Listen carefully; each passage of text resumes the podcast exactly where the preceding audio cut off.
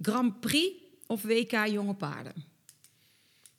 Ehm, vind ik meteen al een soort lastige keus. Ik eh, denk dat ik op het moment wel eventjes Grand Prix heel erg leuk vind, ja. Zeeland of Brabant? Brabant, denk ik. Trouwen of voor altijd verloofd? Eh, ja, trouwen toch zeker, ja, ja. Die heb je te danken aan John. Oh, ja, dat geloof ik, ja. We. Leuk dat je luistert naar het tweede seizoen van Horse Heroes. De podcast waarin Floor Schoenmakers van EHS Communications in een persoonlijk gesprek gaat met een hypische ondernemer. Elke week kun je luisteren naar interviews met één of meerdere gasten. Of meeluisteren naar de belevenissen tijdens hypische evenementen in de Horse Heroes Specials. We gaan beginnen. Haar carrière begon ooit in Zeeland bij Stal Hexagon. Ze behaalde mooie resultaten op talloze grote internationale wedstrijden. Op haar dertigste debuteerde ze in juni jongstleden op het NK Dressuur Senioren met de bronzen medaille. Met de hengst Hermes werd ze geselecteerd voor de Olympische Spelen, maar dat liep uiteindelijk allemaal even wat anders. Ze zette zich in Aken definitief op de kaart als wereldtopper en volgens de Duitse bondscoach Monica Theodorescu is ze absoluut iemand waar we de komende jaren rekening mee moeten gaan houden. Ze is eigenwijs, een enorme doorzetter, nooit tevreden, een streber en recht door zee. Vandaag ben ik te gast bij de momenteel meest besproken frisse wind in de dressuursport, Denja van Lieren. Hallo Denja. Hallo, hallo. Nou, superleuk dat ik eh, zo snel eh, bij jou langs mocht komen. Want eh, ik geloof dat wij twee dagen geleden even geappt hebben en dat het nu tussendoor al kon. Dus het is vrij actueel allemaal. Ja, klopt. Maar ja, jij bent even helemaal mega gegaan eh, de laatste tijd hè, met, eh, met alles wat er gebeurde. Eh, ja, ja, dat kan je wel even zeggen. Ja, het is even allemaal even een soort de goede kant opgevallen. En eh, het EK was al echt fantastisch eigenlijk. Ja. Was ik wel natuurlijk waanzinnig blij mee. En dat liep echt helemaal zoals gehoopt. En ja, dan komt Aken daar eigenlijk nog even overheen. Ja, de, de timing was eigenlijk voor mij perfect zo, die twee weken Ja. achter elkaar. En eh, ja, dus het was wel even mega inderdaad zo. En je hebt nu eh, de hele pers achter je aan. Je kan geen, eh, geen, geen social media meer openen of het is al Dinja. Dus ik vind het superleuk dat we nu jouw verhaal even in de podcast gaan vertellen. Want ik wil eigenlijk even helemaal terug in de tijd. Als we teruggaan naar, naar, naar kleine jonge Dinja. Waar, waar is bij jou begonnen, het paardenverhaal? Eh, nou, mijn broers die deden motocross en eh, die hadden een sponsor. Dat, eh, dat deed ze dus eigenlijk best wel eh, op hoog niveau. En die hadden een sponsor en daar hadden ze paarden thuis. En eh, ja, toen ik die eh, ponies eigenlijk daar zo voor de eerste keer zag, toen was ik eigenlijk wel een soort eh, ver- meteen verliefd. En ja, ik vond het helemaal geweldig en ik wilde er altijd graag mee naartoe. En vervolgens waren, ze- waren ze me ook altijd kwijt, want ik was dan bij die ponies in stal ja. of ik had ze eruit getrokken of was ik mee bezig. Dus ja, de- daar is het wel echt begonnen, ja. En heb je toen op een gegeven moment ook een eigen pony gekregen? Of ben je echt eh, zo met, die, met verzorgponies begonnen? Eh, nee, toen eh, ben ik eerst eh, heb ik een tien rittenkaart gekregen bij de manege toen ik zes was.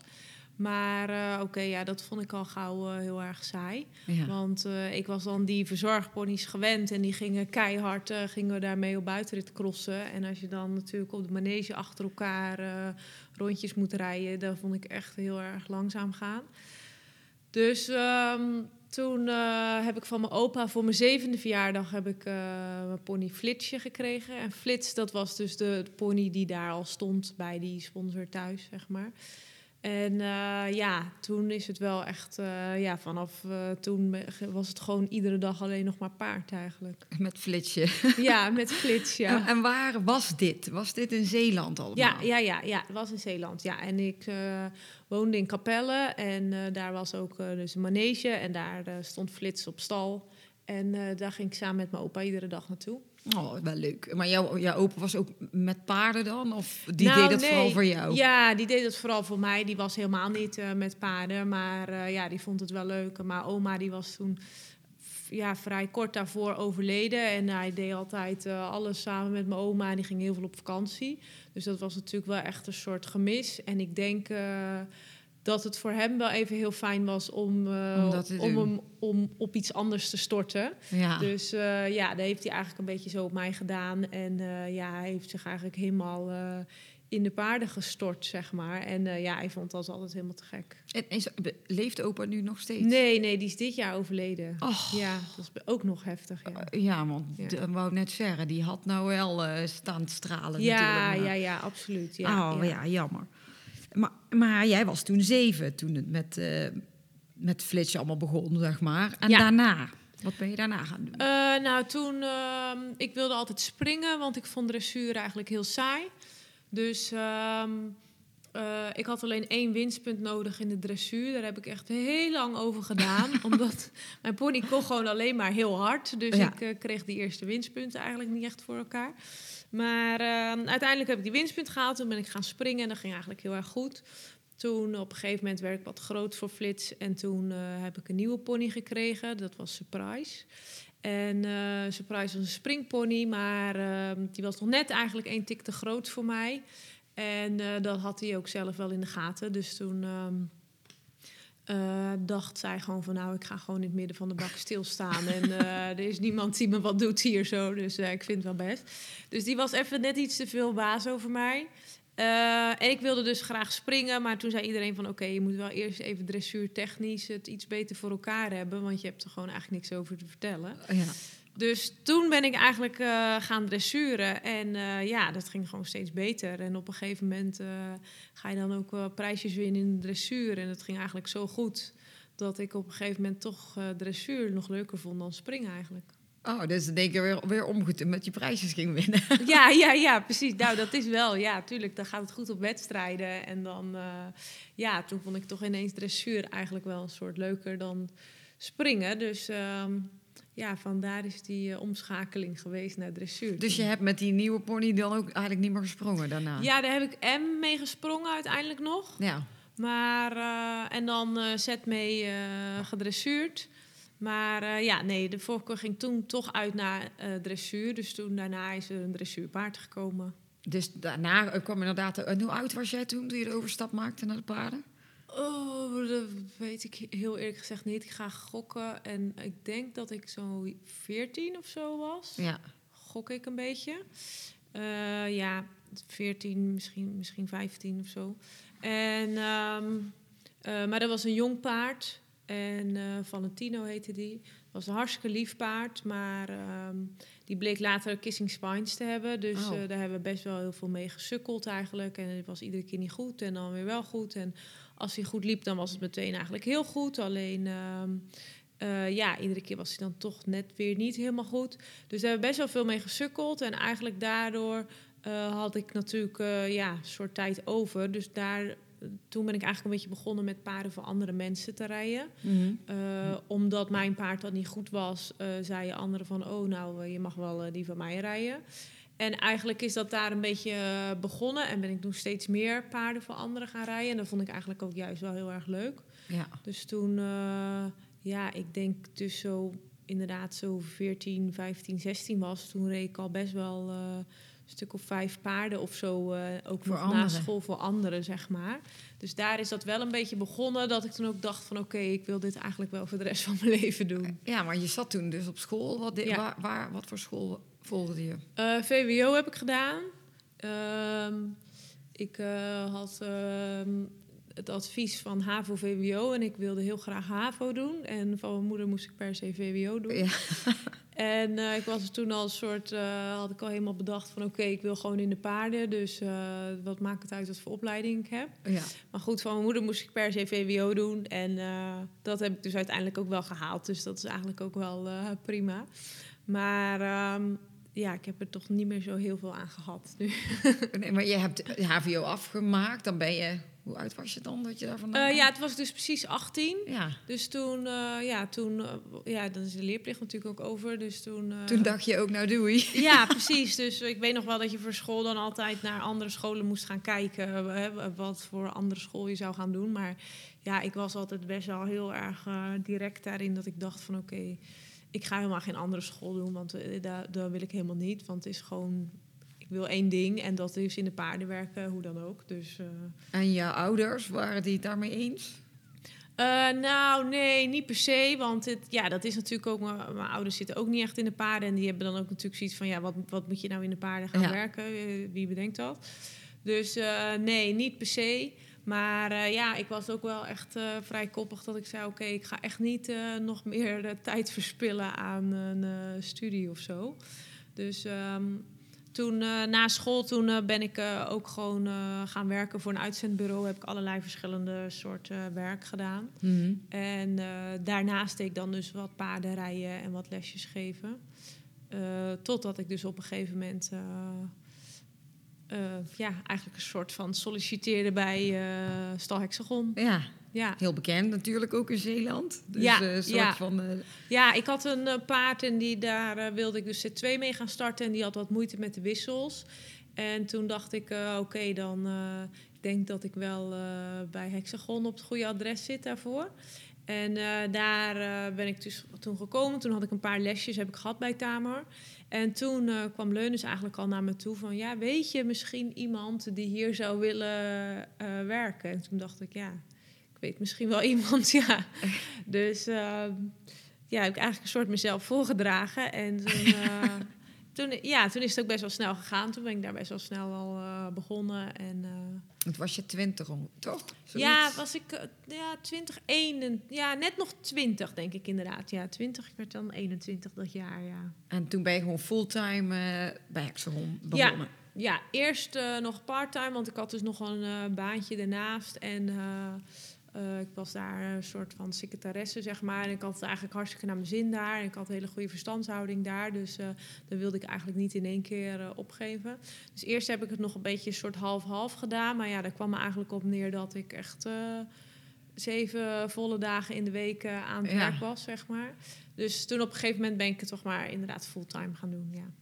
En wat is daar allemaal gebeurd? Want daar is het eigenlijk allemaal begonnen met... eh, Ja, absoluut. Nou, daar is wel echt eh, in een stroomversnelling gegaan. Want oké, daarvoor was ik denk ik wel... Ik, kijk, op zich, ik had wel gevoel en ik was denk ik wel handig. En vooral ook niet bang. Dus oké, o- o- dan kom je al best wel wel een heel eind. ja. Maar ik heb natuurlijk bij Hexagon wel echt eh, leren rijden en een paard leren africhten en proefjes ook leren rijden. En ja, daar is het allemaal even zo snel gegaan. Want ik zeg, ik kwam daar, eh, toen kon ik dus geen wissel. En ik denk eh, dat ik ehm, binnen een half jaar eh, was ik zelf al eners aan het leren bij een ander paard, zeg maar. ja. Dus ja, weet je, dat is echt...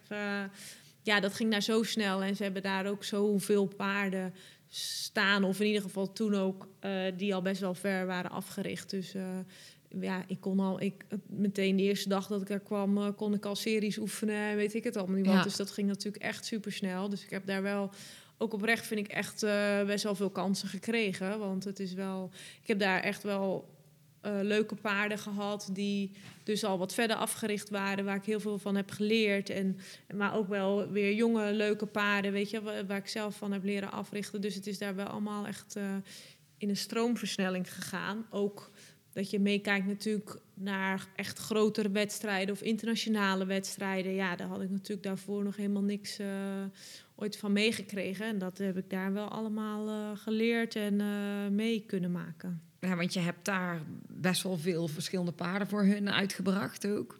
Ja. Wat is voor jou daar een van de, van de leukste herinneringen van die paarden, wat je daar hebt gedaan? Ehm, nou ja, sowieso eh, is eh Hexagons Romanda is Ja. wel... eh, ja, ja dat was wel mijn belangrijkste paard daar, denk ik. Daar ehm, heb ik absoluut het meeste van geleerd. Ik heb daar eh, U25 mee gereden, best wel een paar jaar lang. En ook echt allerlei internationale wedstrijden meegereden. Toen was die U25 nog iets anders dan dat het nu is. Ik weet wel bijvoorbeeld, dan had je ook tijdens het Nederlands kampioenschap... had je ook U25, maar dan was het nog geen Nederlands kampioenschap. Nou, toen ben ik dus al best een paar keer niet Nederlands kampioen geworden, zeg maar. Ja. Maar eigenlijk wel gewoon... eh, ja, daar hebben ze best wel een paar keer gewonnen. Alleen ja, toen was het dus nog geen eh, Nederlands kampioenschap. En... ehm, Hè, toen was het natuurlijk ook nog jammer genoeg dat EK en zo niet voor de U25. Maar ja, ik heb wel echt heel veel hele mooie wedstrijden gereden. Waaronder bijvoorbeeld Treffen. Dat was echt, eh, dat was natuurlijk, is natuurlijk die grote wedstrijd eh, van Glok. Ja, dat was echt waanzinnig. Oh ja. Dus dat was wel echt, eh, ja, daar heb ik wel echt hele goede herinneringen aan. Want dat was wel echt heel gaaf om daar mee te rijden. En sowieso vind ik die U25 echt een, echt een toprubriek. Want dat is juist fijn voor als je eh, ja, net komt kijken. Dat je echt, je kan daar echt Grand Prix leren rijden. Ja. Want weet je, dan eh, sommige foutjes worden nog wel een beetje toegestaan. Weet je, je mag nog iets naar voren piaferen. En die passage hoeft nog niet mega spectaculair te zijn.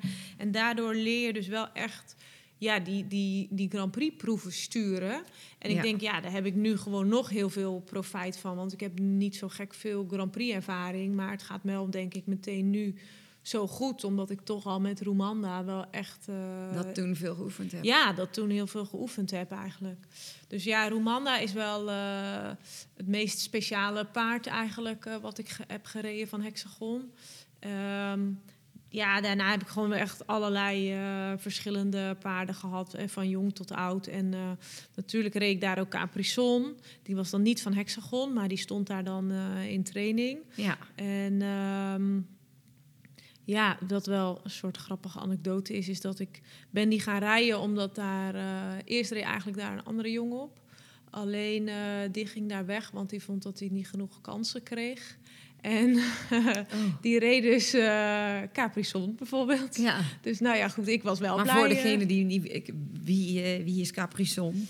Ja, nou ja, Caprison is wel, wat denk ik, wel een van mijn speciaalste paarden. Want die heeft wel echt... ja, daardoor ben ik denk ik wel een soort een beetje bekend geworden bij het Nederlandse publiek in ieder geval. Want ehm, ik mocht daarmee naar het WK, jonge paarden. En dat was eigenlijk mijn eerste internationale wedstrijd. En eh, toen wonnen we ook meteen brons Ja. op het WK. Ja, dat was natuurlijk wel echt... eh, ja, dat was ook echt mega. Dat was, dat, dat was echt gewoon eh, mijn favoriet en mijn lieveling. En dat de Capri's en Hengst, maar echt allerliefste, allerbraafste en makkelijkste Hengst. En, en ook daar, ja, ik was eigenlijk natuurlijk hartstikke zenuwachtig. Maar ja, het leek wel alsof hij altijd een soort mijn hand vastpakte. Zo van, Oh. nou kom maar, Ja. ik zal het wel even voor je doen, meisje. Dus eh, nee, ja, Capri was echt wel... eh, Echt wel mijn favoriet natuurlijk. Maar goed, dat is wel echt eh, een heel speciaal paard. En die heeft wel... heb ik wel echt heel veel nieuwe dingen mee bereikt voor de eerste keer. Weet je, ja, ik ben Nederlands kampioen in het ZZ Licht en daarna in het ZZ Zwaar en daarna Ja. in de Lichte Tour. Ja, dus wel echt uh, wonnen hengstcompetities. Nou ja, ik won dan brons op het WK. Eh, ja, dit is echt eh, ook veel internationale wedstrijden dan in de Lichte Tour gereden. Ja, die, gewoon overal waar we kwamen, daar, daar won hij gewoon Ja. eigenlijk. Dus dat was wel echt eh, mijn held, ja.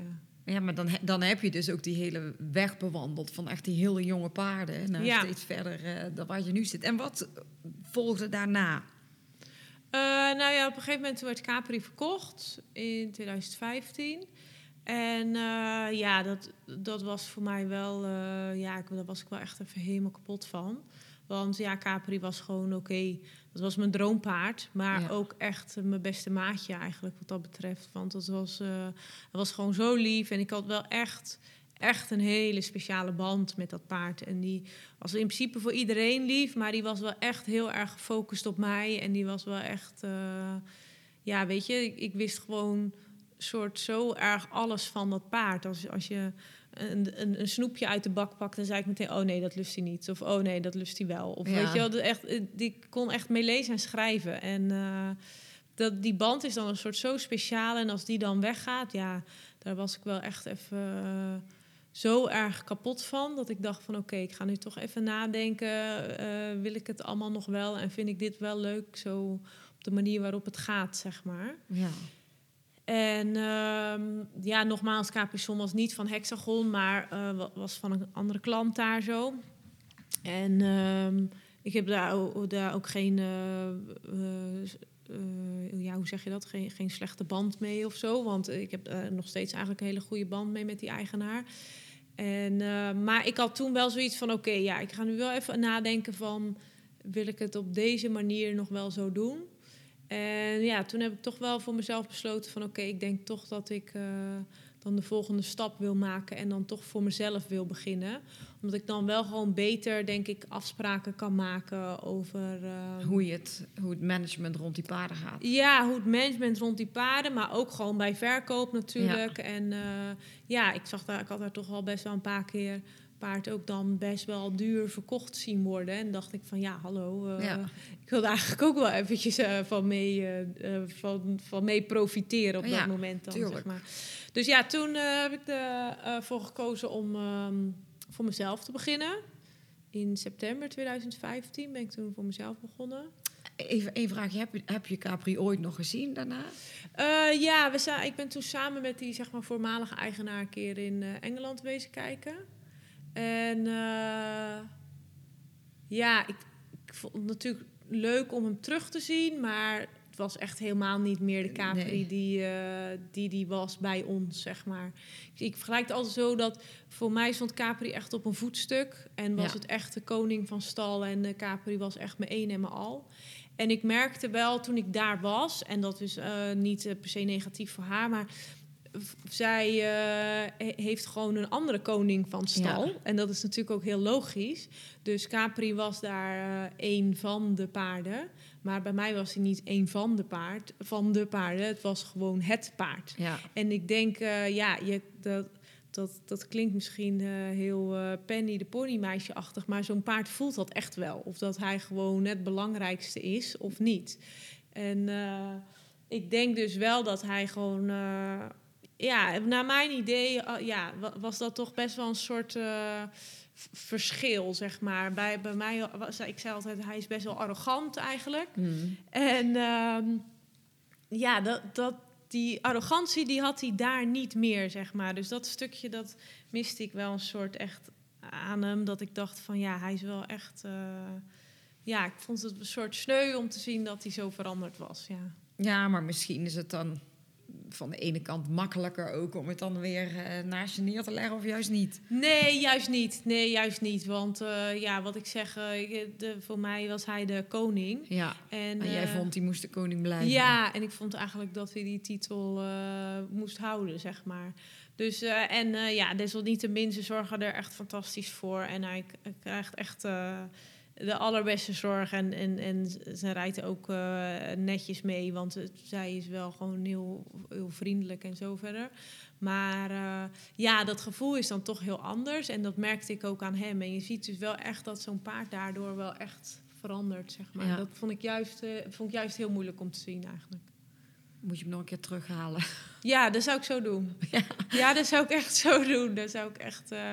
want hij is nu wel, denk ik, echt... Wat ik al zei, hij is wel echt heel anders dan dat hij toen was. Maar eh, ja, jeetje, als ze me op zou bellen... zou ik echt meteen zeggen, kom maar brengen. Nou, wie weet wat er Ja, allemaal ja, gebeurt. ja, ja, ben bang voor niet. Eh, maar jij begon eh, in 2015 voor jezelf. Toen heb je de hele stap gemaakt. Ja. En toen? Nou ja, ehm, ik begon voor mezelf, maar ik had het denk ik wel een beetje goed eh, overwogen. En ehm, ik had sowieso al eh, met Joop van Uiterton afgesproken dat ik daar halve dagen zou gaan werken.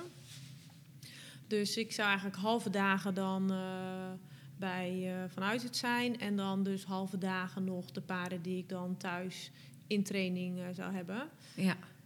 En ehm, ja, dat ging eigenlijk meteen vanaf het begin heel erg goed. Ik Maar dan deed je elke dag Zeeland, Herenwaarde. ja, nee, ik ben eh, meteen verhuisd naar Werkendam toen.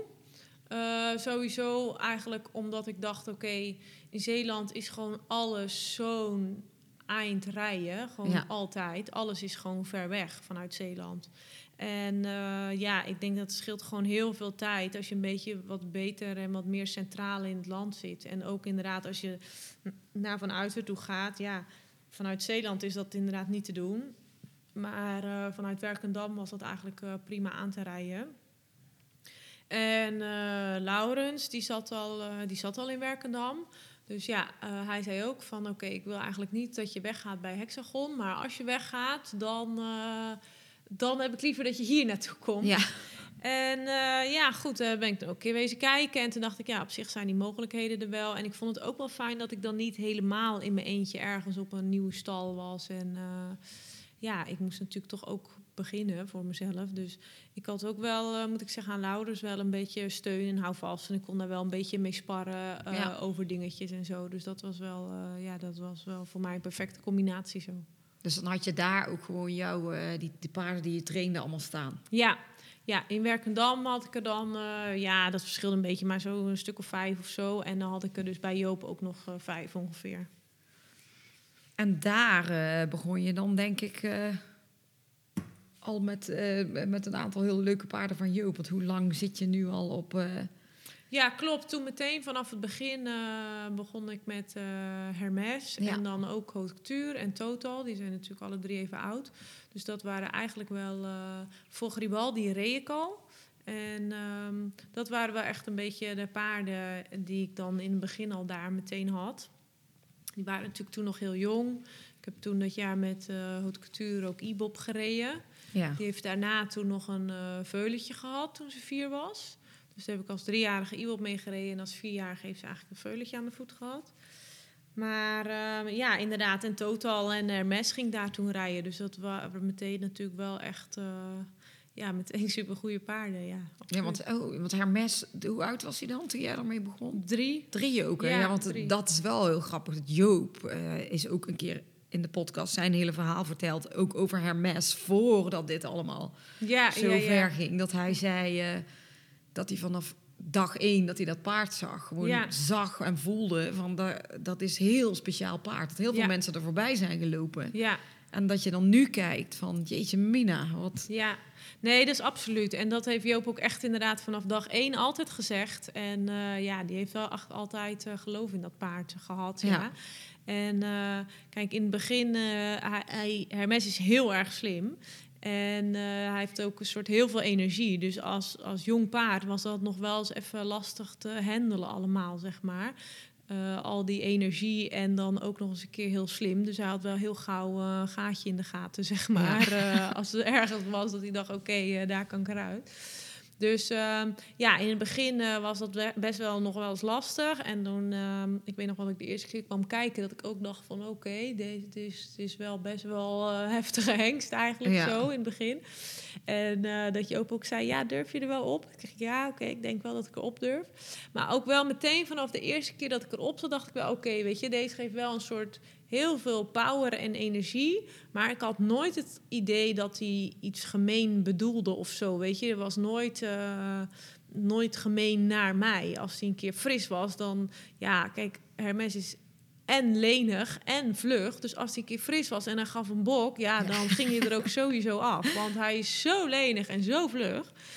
Dus, maar hij ging nooit zomaar bokken omdat hij mij eraf wilde hebben. Maar dan was hij gewoon vrolijk en jolig. En dan dacht hij gewoon, eh ja. En dan, eh, ja, dan eh, ging je er wel af. Dus, ehm, maar dat voelde ik wel meteen vanaf het begin. Dat ik, zei, ook, dat ik ook tegen Joop zei van, ja, ik voel wel... Weet je, dat hij niet tegen mij zo bedoelt. En hij heeft gewoon heel veel energie. En hij is gewoon, eh, ja, even heel gek af en toe. Maar ik heb wel het idee dat, hij, dat het wel echt een werker is. En dat hij wel, eh, ja, moet hem gewoon zo zien te handelen dat hij dat voor Ja. mij gaat gebruiken, zeg maar. Maar ja, dat was wel, het was ook wel echt bijzonder, want Joop heeft wel echt inderdaad vanaf het begin af aangezet. eh, ik denk echt dat dit echt een heel, heel, heel goed paard is. Ja, gaaf is dat toch? Als Ja. dat dan zo ook allemaal uit is gekomen. Ja, ja, ja, zeker. Maar ja, je hebt natuurlijk een- dit, dit Hermes en Haute Couture... waar heel veel over geschreven en verteld en gedaan is... en wat hartstikke goed gaat. Als jij die twee eh, moet omschrijven... wat zijn dat voor paarden? Wat voor karakters hebben ze? Eh, ja, ehm, ze zijn allebei slim. Eh, het verschil is wel, denk ik, eh Haute is wel echt een meisje. Zij is wel echt een prinsesje. En ehm, zij is wel... zonder dat ze echt heel Mary-achtig is. Want ik denk dat ik zelf niet zo goed ben met Marys. Maar zij is wel echt een prinsesje. Maar ze is nooit echt eh, kattenkop, zeg maar. Marys zijn vaak een beetje zo eh, kattig. En dat is zij eigenlijk niet. Dus dat eh, ben ik eigenlijk heel blij mee. Zij is wel echt heel lief. Ze is mega knuffel. Ja, ze, ze wil gewoon eigenlijk altijd alleen maar knuffelen en Ja. aandacht. En ze heeft heel veel go. Ze loopt heel graag. En ook dat met alles aanleren. Ja, ze is gewoon heel slim. En ze pakt gewoon dingen heel snel op. En ehm, Eh, Hermes is wel echt meer een beetje zo'n qua jongen. Ja, is wel echt. stout. Ja, dat is wel echt eh, zo'n eh deugniet. Die maakt van alles een lolletje. Dat is echt wel gewoon een clown. Hij vindt alles grappig en lollig, zeg maar. En eh we hebben ook ooit wel eens gewoon gehad als je ermee het touwtje wandelt, dat hij gewoon denkt van oké, ik ga nu gewoon even aangalopperen. En dan galoppeert hij gewoon weg en dan denkt hij eh, oké, doei. doei.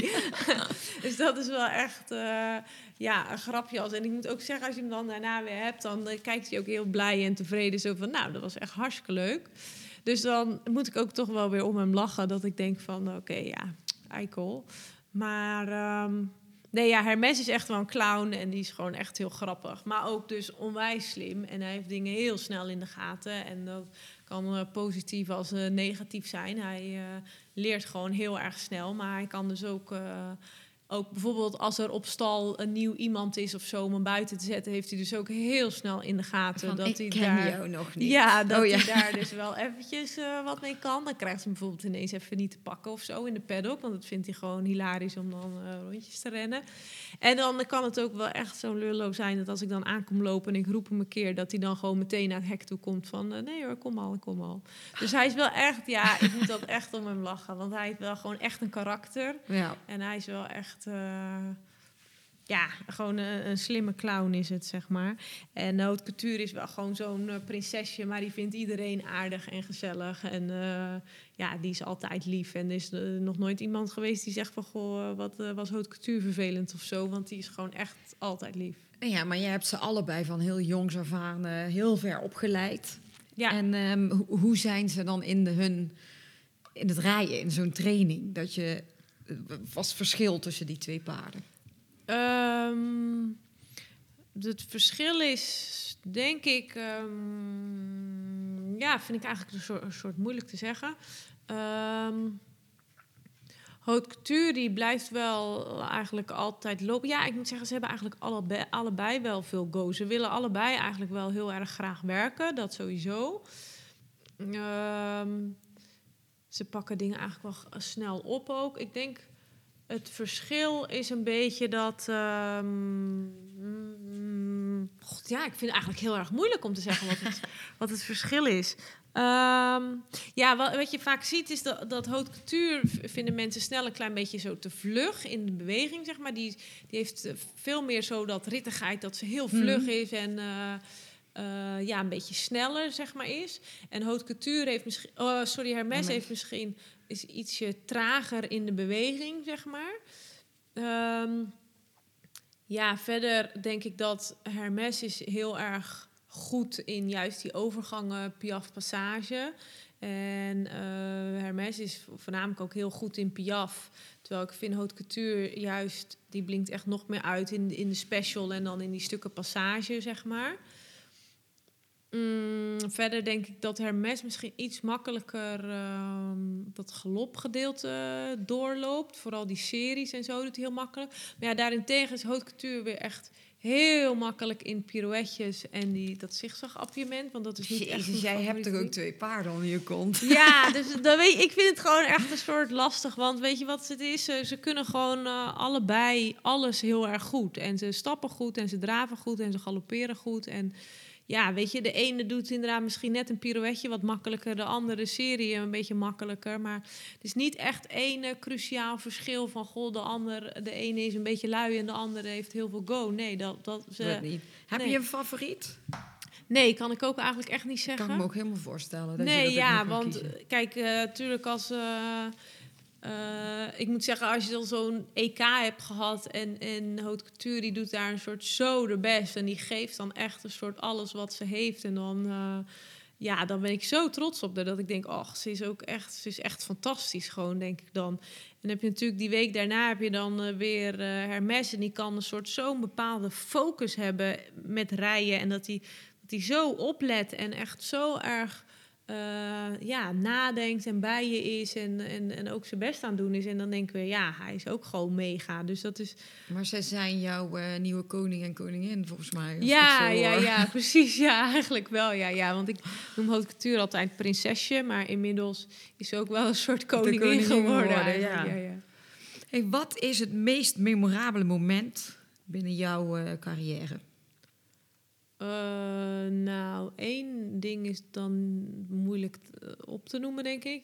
Ja, ik denk dat zijn gewoon wel echt... eh, Het waren een beetje opvolgingen van, denk ik. ook. Ja, het zijn gewoon meerdere dingen geweest. Ja, kijk, als je natuurlijk nu terugkijkt, dan is dat natuurlijk wel... Het winnen van Aken is dan natuurlijk wel echt eh, iets unieks. En eh, ja, dat je toch eventjes eh, voorbij Isabel komt, is Ja. natuurlijk toch wel even... Even kijken. Even kicken, ja. Is toch wel een heel bijzonder iets, denk ik, ja. Wie, wie was jouw eigen idool altijd in het rijden?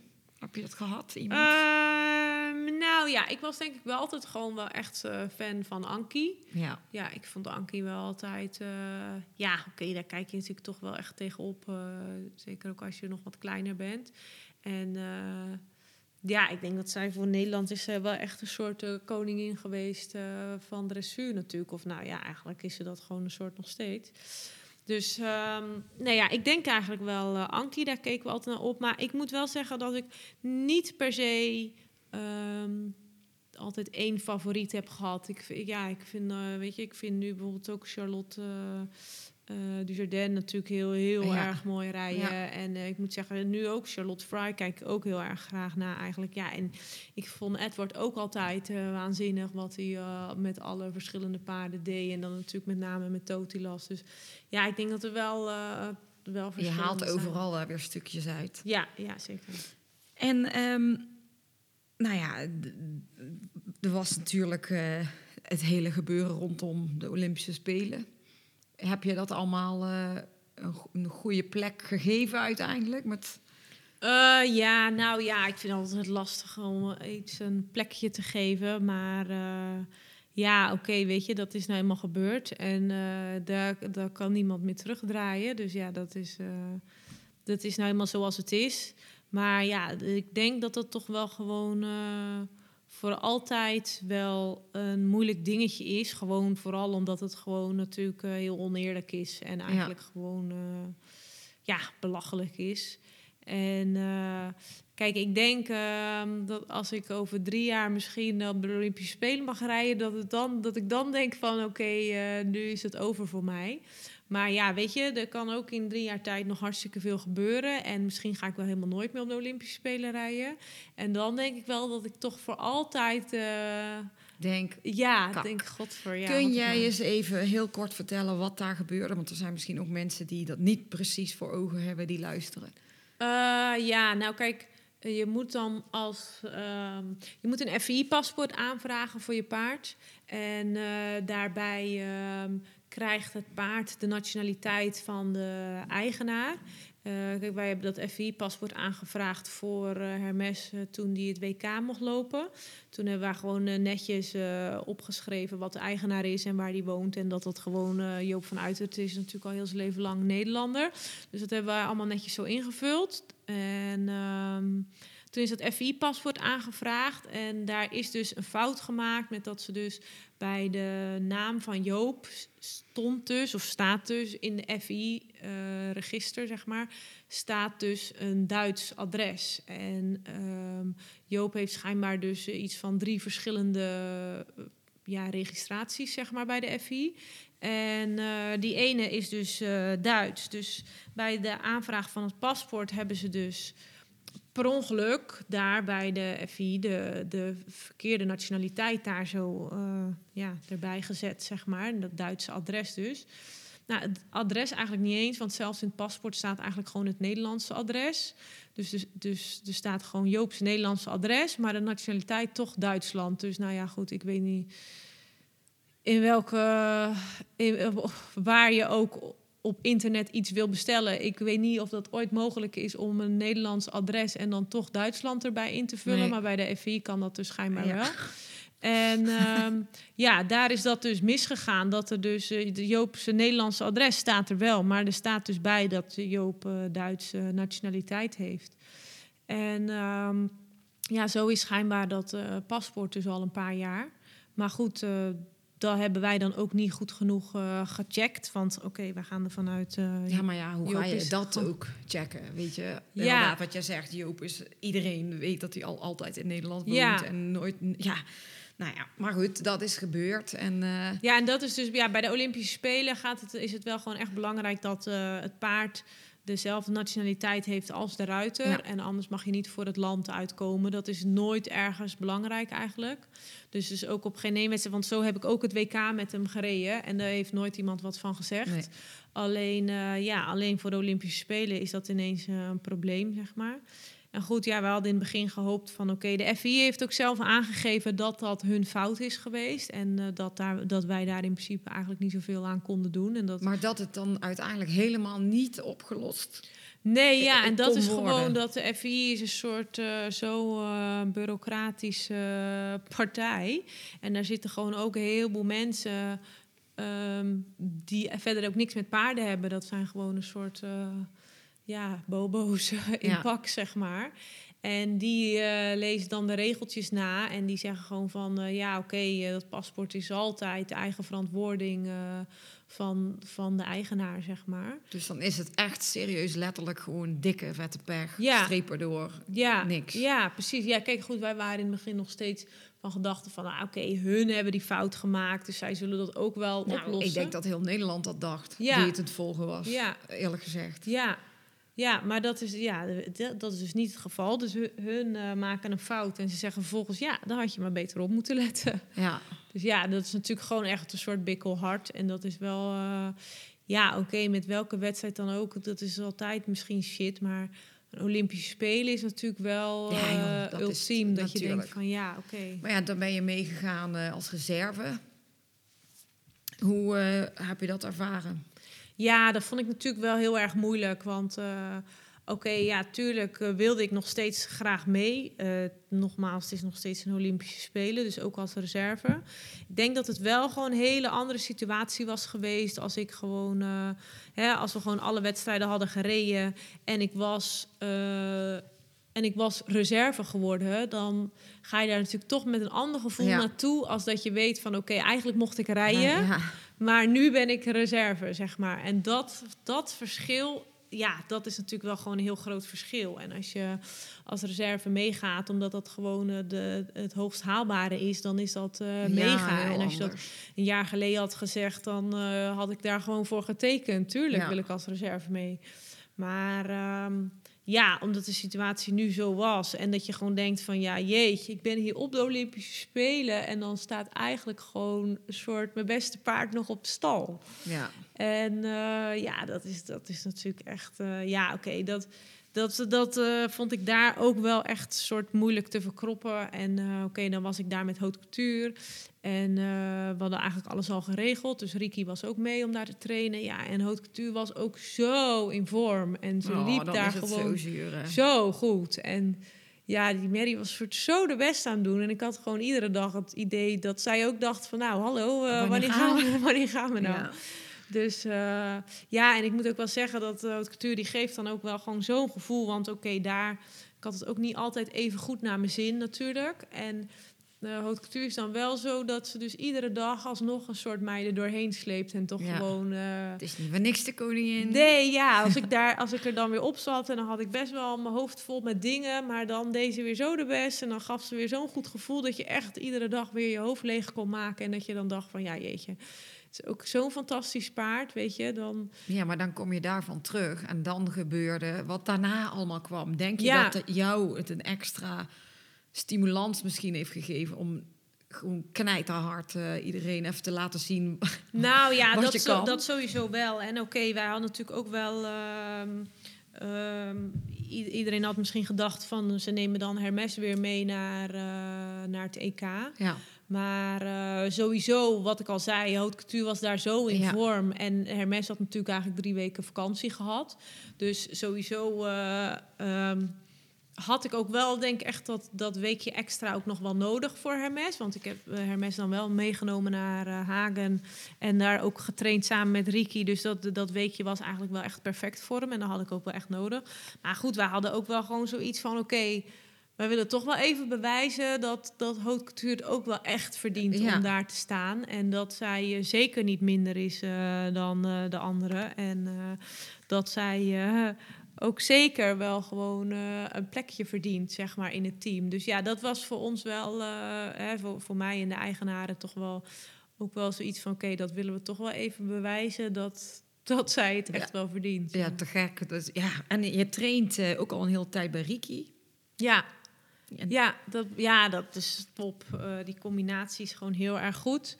En eh, ja, ik denk dat wij gewoon wij echt eh, elkaar aanvullen op de juiste plekken, zeg maar.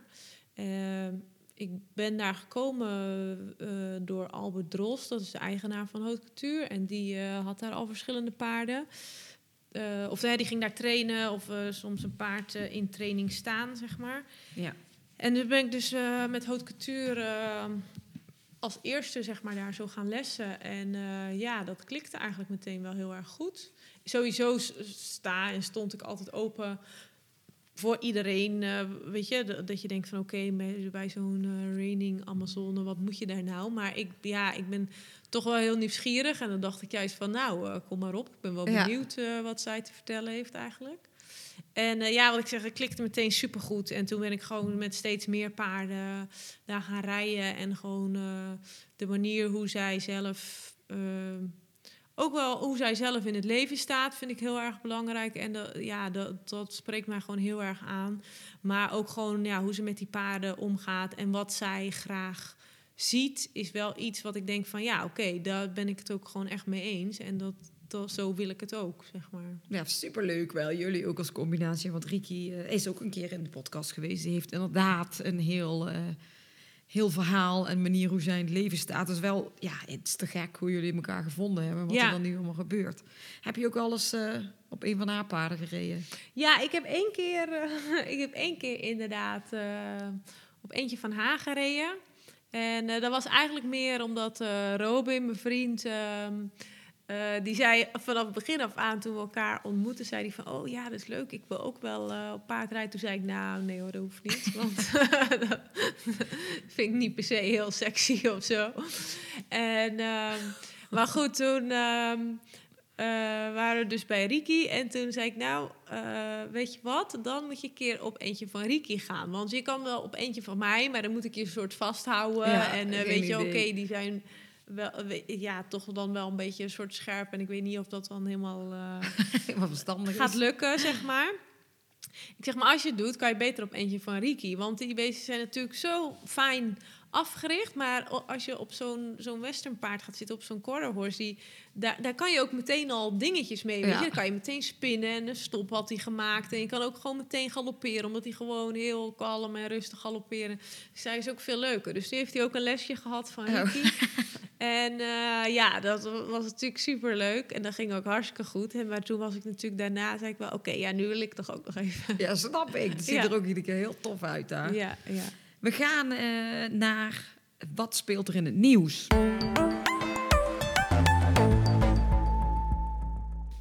Nou ja, wat speelt er in het nieuws? Normaal eh, kijk ik dan even naar, naar, koppen van de nieuwsberichten. Wat er overal staat geschreven waar we het over gaan hebben. Maar ja, wat speelt er in het nieuws? Dinja laat zien dat ze erbij hoort. Dinja wint met me- weergaloze kuren. Dinja wint de Grand Prix. Fenomenale proef voor Dinja en Hermes. Eh, waanzinnige proef. Eindelijk de oranje jas. Van Zilfout gaat Hermes voordragen bij het NOP. dat speelt er in het nieuws. Ja, ja, ja. Hoe, wat is er allemaal gebeurd? Hoe, hoe is dit voor jou, wat er, eh, die hele Ja. media vloed? Dus het is natuurlijk, eh, ja, het is natuurlijk super bijzonder. En ehm, ja, het is ook wel een beetje onwerkelijk en ook wel een beetje een soort gek. Want ja, eh, ja, weet ik veel. Hoe moet je erop reageren eigenlijk allemaal? En eh, kijk, het is iets. Je bent natuurlijk al continu eh, heel hard ervoor aan het werk. En ehm, ja, en eh, je weet natuurlijk, oké, je weet gewoon allebei die paarden zijn heel erg goed. Maar het moet toch allemaal daar maar eventjes gebeuren natuurlijk. En ze zijn ook nog hartstikke jong, dus er kan ook gewoon nog van alles misgaan.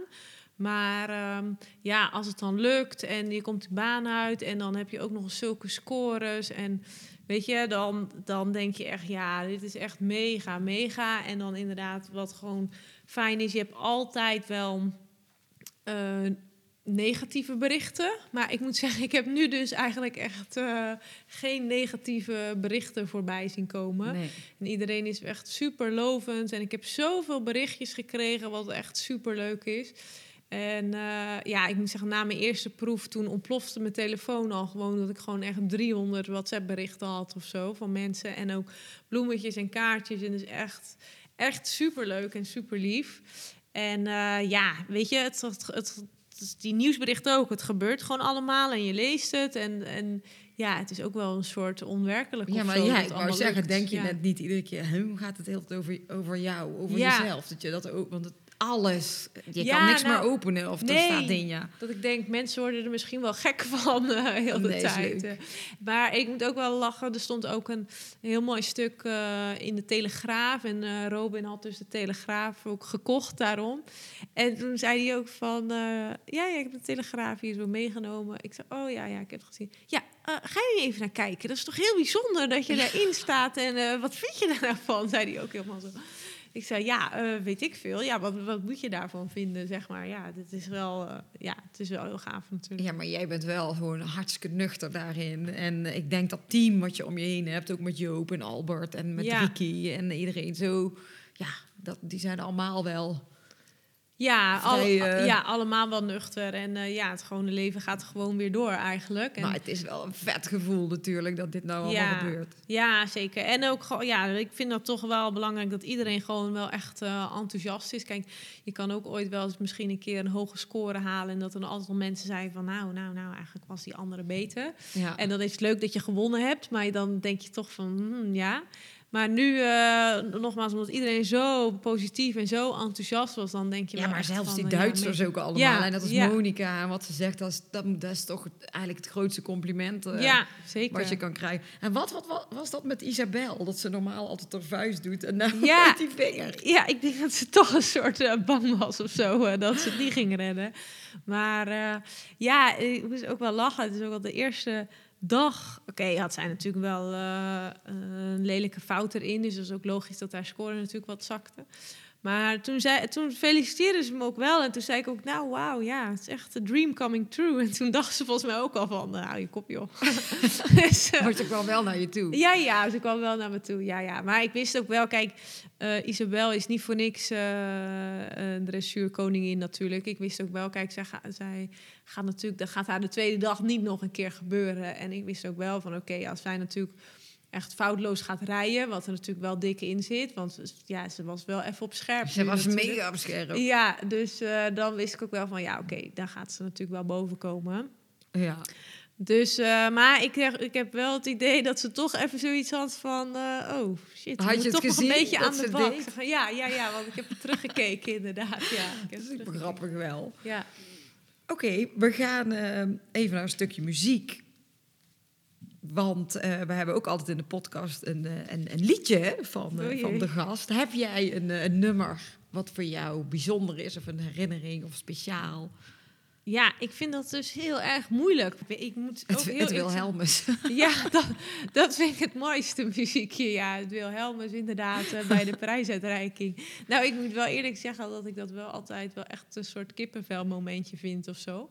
Ik vind die ook te gek, weet je. Die gaan we gewoon een stukje luisteren, Oké, omdat ja, het ja. gewoon past bij je verhaal. Ja, ja, ja, oké. ja, dat, Nou dat ja. is wel een soort kippenvel.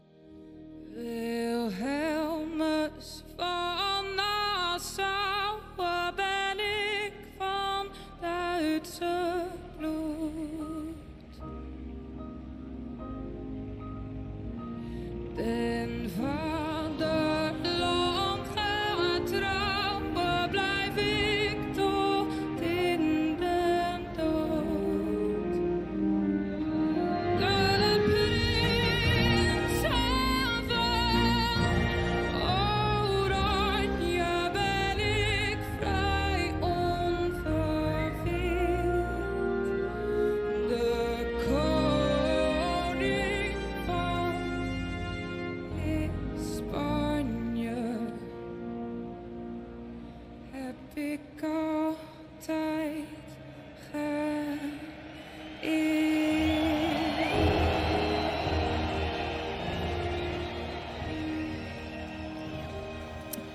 Dinja, we hebben naar jouw eh, Wilhelmus geluisterd, wat je de laatste tijd vaak, vaak hebt gehoord.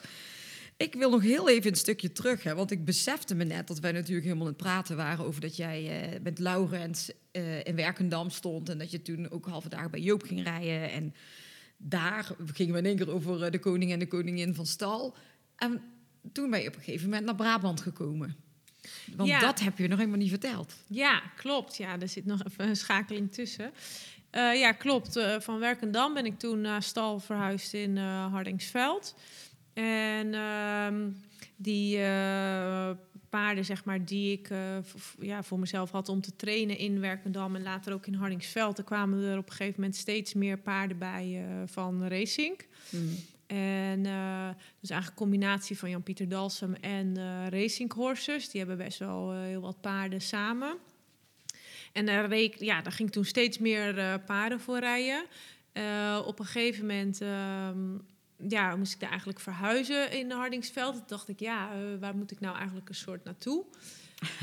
En eh, goed, toen ben ik eigenlijk met hun om de tafel gaan zitten. Van eh, ja, ik eh, moet hier eigenlijk weg. En, of nou ja, moeten, moeten klinkt een beetje veel. Maar ehm, ja, valt er niet iets te regelen samen? Want ja, oké, ik had denk ik toen al een stuk of vijf, zes paarden van hun. En ja, daar moet je natuurlijk ook iedere maand gewoon stalhuur voor betalen. Dus ik zei, goh, misschien is het niet meer een idee eh, dat jullie je eigen stal hebben. Dan eh, kan ik daar gewoon rijden.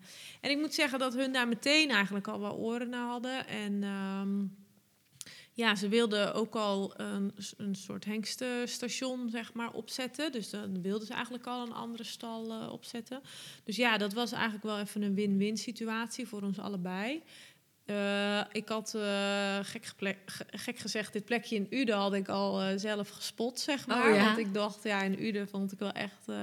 ja, dat, het is gewoon echt een topomgeving hier zo Ja. om te wonen. En eh, ja, deze stal eh, vond ik meteen al heel erg mooi eigenlijk. En dat ik, het is gewoon het is een kleine stal, het is heel compact en het is heel handig ingedeeld en, en goed opgezet. Dus ik dacht wel van, eh, ja, hier zag ik mezelf wel een soort zitten En eigenlijk. vlak bij Ricky. En vlak bij Riki, ja, niet te vergeten. Ja, want dat is acht minuten rijden. Ja. Dus dat is echt ideaal. Dus ik dacht, ja, deze plek heeft eigenlijk alleen maar voordelen. En eh, ja, gelukkig zagen hun dat ook zo in. En toen is het eigenlijk al meteen eh, heel snel gegaan eigenlijk. En eh, ja, een paar maanden later zat ik gewoon al hier zo in Uden. Dus dat is wel echt...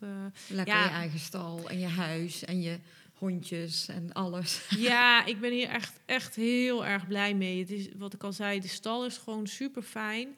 Alles wordt echt heel goed geregeld, ook eh, door Racing. Ik heb nu echt eh, ook wel weer eh, heel stel fijne paarden staan. Het contact is heel erg goed met Racing. Hè. Als ik zeg van oké, dit paard ligt mij niet zo... of, of god, dat paard vind ik juist heel leuk... dan, dan kan daar ook makkelijk in geschoven worden. Dus Mm. ik kan heel goed met hun communiceren. En ehm, ja, ik moet ook zeggen dat ik ook wel een soort eh, bewondering voor heb dat hun ook wel echt heel erg enthousiast zijn over eh, eh, ja, de, de vorderingen eigenlijk met Hermes en Haute Couture. Want dat zijn natuurlijk toch niet de paarden van nee, Racing. Hè? Nee, het is natuurlijk de paarden van, van Uiter. Maar ze zijn daar echt, ja, ze supporteren heel erg. En ze sturen ook altijd een berichtje als ik op wedstrijd ben. En ja, dat, dat eh, moet ik zeggen, dat doet me ook wel heel erg goed. En ik vind het ook leuk dat hun ook zo eh, enthousiast daarin zijn. En eh, ja, goed, in de toekomst hoop ik natuurlijk ook wel steeds meer met hun paarden zo richting het hoogste niveau te gaan. Ja, want dat wou ik net vragen. Wat zijn je toekomstplannen daarin? Nou ja, dus onder andere dat. Ja, absoluut. Het is natuurlijk ook dan een hengstation. Dus we hebben wel voornamelijk hengsten die natuurlijk ook dekken. Maar daarmee is natuurlijk ook wel de bedoeling eh, ja, dat, ze, dat ze het op wedstrijden heel goed gaan doen. Nu heeft eh, afgelopen zomer eh, McLaren was al tweede geworden op de Pavo Cup. Dat was wel heel erg leuk. Dus ook echt denk ik een heel fijn paard en een leuk paard voor de toekomst ook. Ja, verder heb ik nu met Labaron dan ook op het WK Jonge Paard. Die was tiende. Ook een heel fijn paard. Dus eh, ja, ik heb gewoon verschillende fijne paarden. En eh, hun hebben ook wel echt als doel om eh, echt ook richting de Grand Prix te gaan. En, Ja. dus ja, ik hoop natuurlijk nog heel lang van Hermes en Haute Couture ook te kunnen genieten. Maar ik hoop wel dat er dan daarna ook wel een opvolger van die Ja, bij tuurlijk. zit. En dan, en moet ik toch nog even terug naar het dingetje van het intro over trouwen of eh, voor altijd verloofd. Oh jeetje, ja, ja, ja. Nou ja, eh, de bedoeling was eigenlijk al om vrij snel te trouwen, maar toen kwam natuurlijk corona. En eh, ik hoef niet te trouwen voor te trouwen, maar ik vind trouwen gewoon prachtig, omdat je een groot feest hebt. En eh die jurk vind ik helemaal te gek en ik wil iedereen uitnodigen. En ja, goed, met corona kon dat natuurlijk allemaal niet. Dus eh, dat wilden we wel echt eventjes afwachten tot het helemaal eh, over is. Want ik ga geen eh, bruiloft organiseren en dat er dan maar letterlijk 30 mensen Nee, komen. Dat ga ik gewoon echt niet doen. Dan maar even niet. Dus we blijven het nog zo lang uitstellen totdat alles echt even helemaal over is. En, bijna dus, bijna. ja, ja, ja, precies. En ik moet zeggen, oké, nu dit jaar zijn er ook zoveel dingen tussendoor gekomen dat we ook even geen tijd hadden om Heb je heel veel dingen te vieren dan eh Ja. de bruiloft. Dat is Ja. superleuk. We gaan naar het laatste onderdeel. Dat is eh, de vragenpot.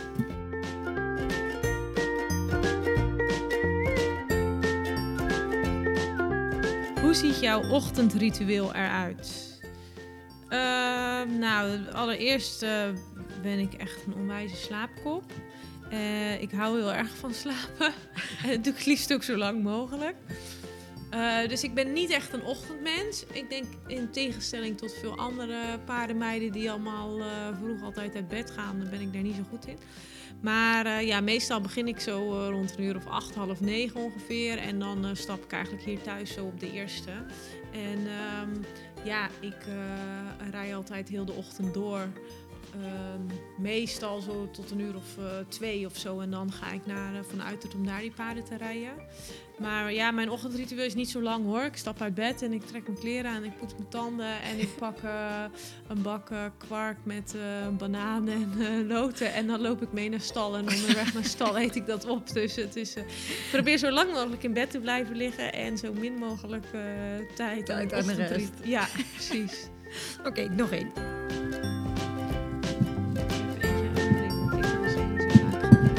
Nee, deze zijn al.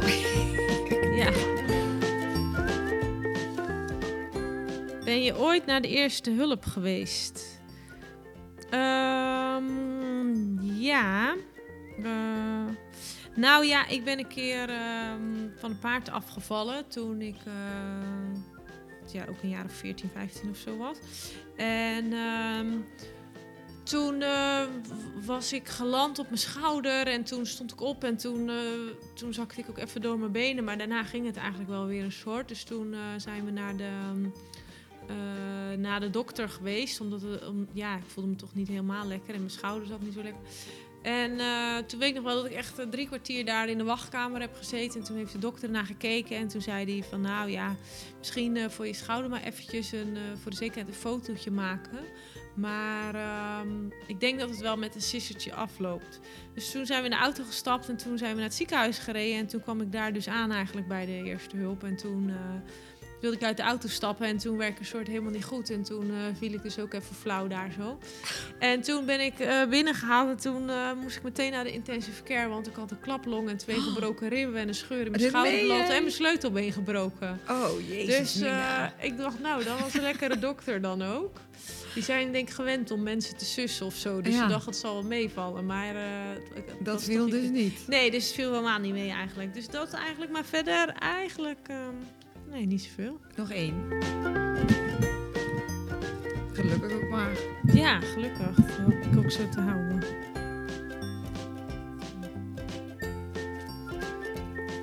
Ik heb ook geen idee wat de vragen erop staan. Oh jeetje, om wie moest jij het hardst lachen?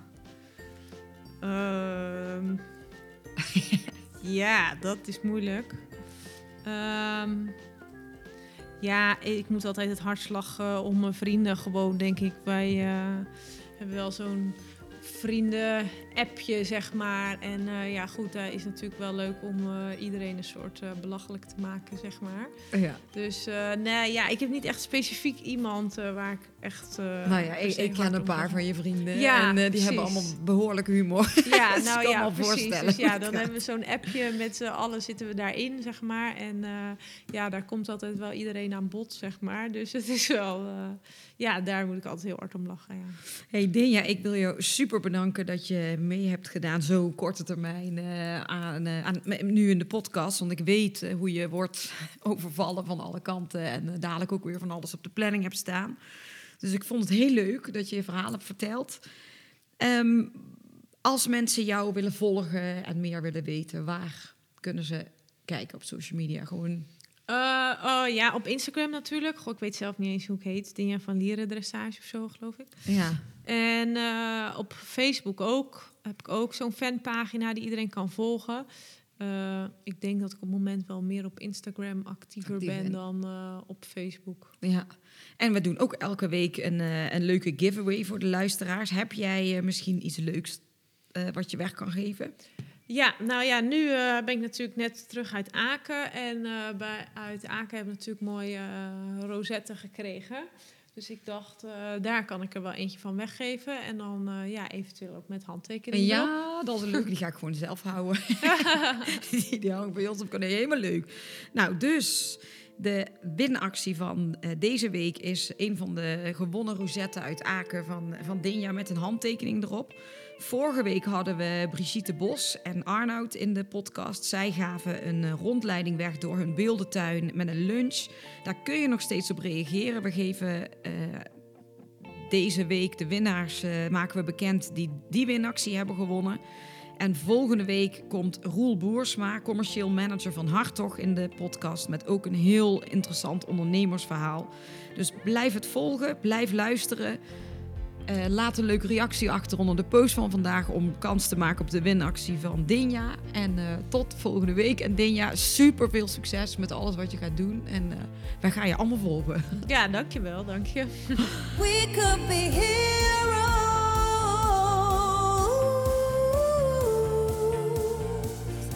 Dit was hem weer, de Horse Heroes podcast. Wil je meer weten over Floor, haar bedrijf of deze podcast? Kijk dan even op de website van ehscommunications.nl. En wat je ook zeker even moet doen, is je abonneren op deze podcast om geen enkele aflevering te missen. Het zou helemaal top zijn als je dan meteen een beoordeling achterlaat. Tot volgende week!